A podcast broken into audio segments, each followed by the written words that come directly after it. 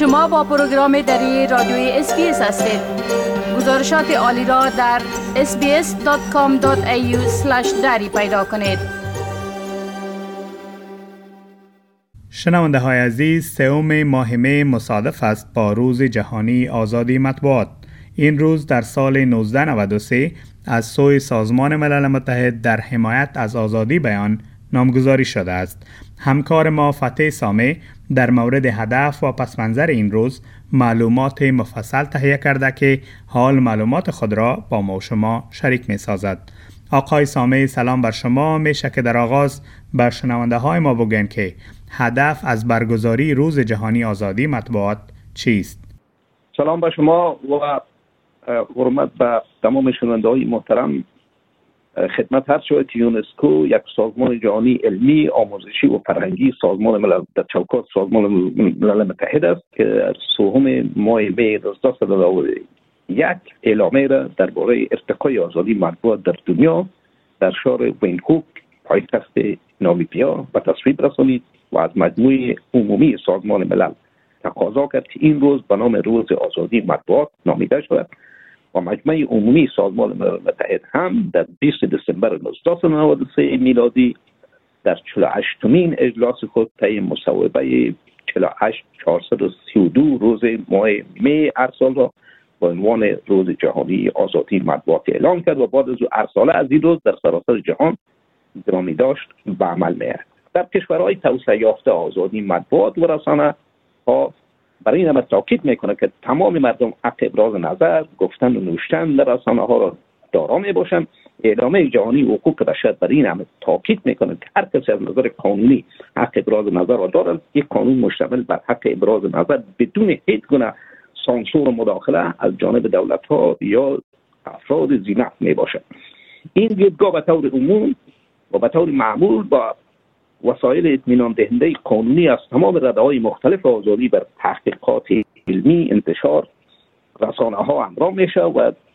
در به تصویر کشیدن عمق قوانین مخل سیستم قضایی یک کشور که سعی در برهم زدن آزادی قانونی رسانه دارد می باشد و مفهوم آزادی بیانگاه با قوانین مالجاتی فردی و رسانه‌ای دروغین با عنوان آزادی مطبوعات گشانده می شود آزادی رسانه و مطبوعات همانند یک نامه از جانب دولت ها بر رسانه های عمومی در مقابل مواجهه با روندهای معدود کننده ابراز نظر در جامعه می باشد که حقوق قانونی رسانه و همچنین مراجع رفع اختلاف بین رسانه و شاکیان مشخص می کند و این حقوق در بسیاری از کشورها به صورت قانونی و در چارچوب قوانین اساسی کشورها تعدیه شده تا از آزادی مطبوعات حمایت به عمل بیاید. البته سوای تعریف های قانونی کشورها بسیاری از مؤسسات غیر دولتی میارها و اصول متفاوت را بر قضاوت درباره میزان آزادی مطبوعات در سراسر جهان رعایت می‌کنند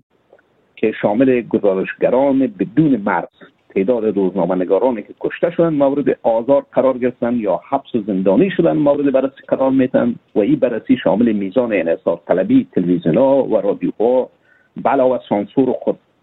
سانسوری رسانه و استقلال کلی رسانه های داخلی یا بدون مرزی در مواجهه با مشکلات ایجاد شده می باشد و کمیته حفاظت از روزنگاران که به نام جی یاد میشه از ابزارهای روزنامه نگاری برای کمک به خبرنگاران استفاده می‌بره و این روند شامل دنبال کردن آزادی مطبوعات از طریق موضوعات مانند تحقیقات مستقل یا ماموریت های حقیقتیابی و تماس مستقیم با موضوعاتی که شامل محل کار روزنامه نگاران سرتاسر جهان می باشد فعالیت می و این کمیته همچنان پرونده های مرگ و زندانی شدن روزنامه نگاران را دنبال می کند و کارگران این و کارگرای این کمیته ها با وضع میارهای استوار بر هر کدام از پرونده ها مانند تحقیقات مستقل تحقیق و ارزیابی و قطیابی به بررسی امور پشت پرده هر کدام از قتلا یا زندانی شدن روزنامه نگاران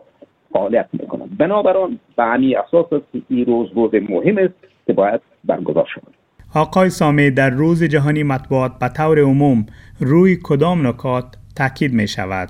اگر ما یک نگاهی بکنیم به تاریخچه آزادی مطبوعات خانه آزادی توسط وندل ویلکی النور روزولت جورج فیلد روتی و هوورد باید و دیگر کسان سال 1941 بنیانگذاری شد و فلسفه وجودی سازمان هم در مقابل با تعدیات نازی و هتلر در زمان بود. اما ماموریت امروزی این سازمان که مدعی است بحث دموکراسی و آزادی در سراسر جهان می باشد و مبارزه با دیکتاتوری های آمریکای مرکزی و چلی و آپارتای در افریقای جنوبی و هزاران جای دیگر مثلا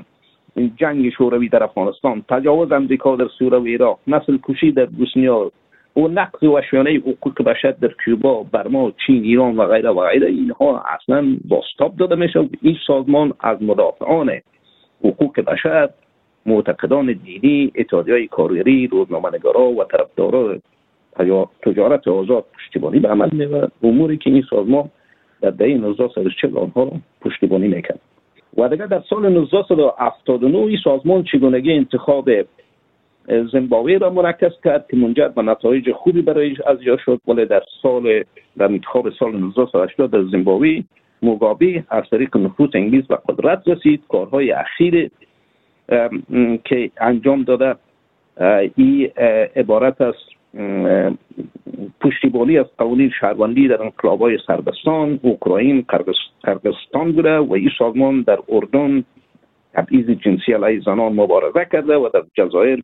با جستجوی عدالت به قربان شکنجه کمک کرده و در ازبکستان با نقص وحشیانه حقوق بشر و مبارزه برخواسته. بنابراین به صورت عمومی کارهایی را که اینها انجام میدن آزادی مطبوعات تامین حقوق و همنیت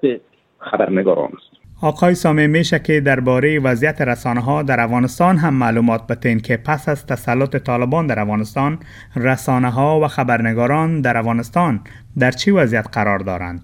آزادی بیان مانند همه جای دیگر در افغانستان نیز فراز و فرودهای زیاد و مسیر پرپیچ همه داشته. در گذشته های دورتر خبرنگاران افغانستان و خط مقدم صفوف مبارزات سیاسی قرار داشتند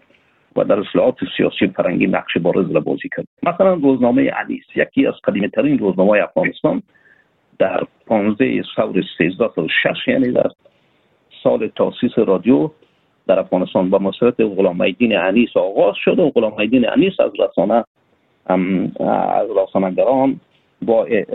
که با اعتبار کشور و از مبارزان رای آزادی است بعد از سقوط دولت امان خان به جرم آزادی خواهی به زندان افتاد و رسان 1970 جان باخت. و بعد از او سرور جویا مسئولیت انیس با عهده گرفت و هم از مبارزان سیاسی آزادی خواهی بود. در سال 1327 به خاطر فعالیت سیاسی به زندان افتاد بعد از او در 1340 درگذشت. در شرایط کنونی افغانستان در چنگال گروه افراطی و متحجر طالبانی افتاده و از آزادی بیان و حتی پوشش گزارش های حوادث تروریستی روزافزون گلوگیری می‌شد افرادگرایی تحجر و تعصب و اعمال غیر انسانی در اداره طالبان انعکاس داده نمی‌شد روزنامه نگارا از ترس جان در عاقبت گروه توریستی طالبان که دشمنان آزادی بیان هستند نمی‌توانند حوادث را بازتاب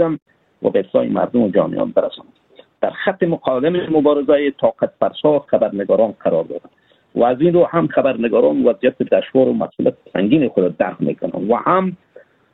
به خبرنگاران خود ما با عنوان سنگرداران و مبارزان رای آزادی احترام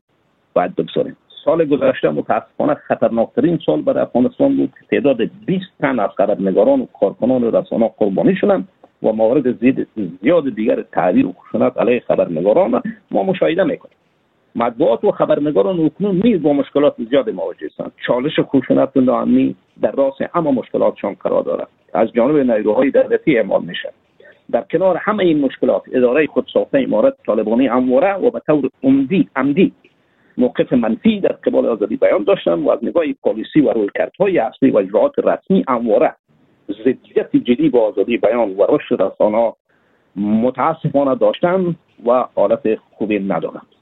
آقای فتح سامه تشکر از این معلوماتتان. روز خوش داشته باشین. همچنان از شما تشکر. خداحافظ. می خواهید این گونه گزارش ها را بیشتر بشنوید؟ با این گزارشات از طریق Apple Podcast، Google Podcast، Spotify و یا هر جایی که پادکاستتان را می گیرید گوش دهید.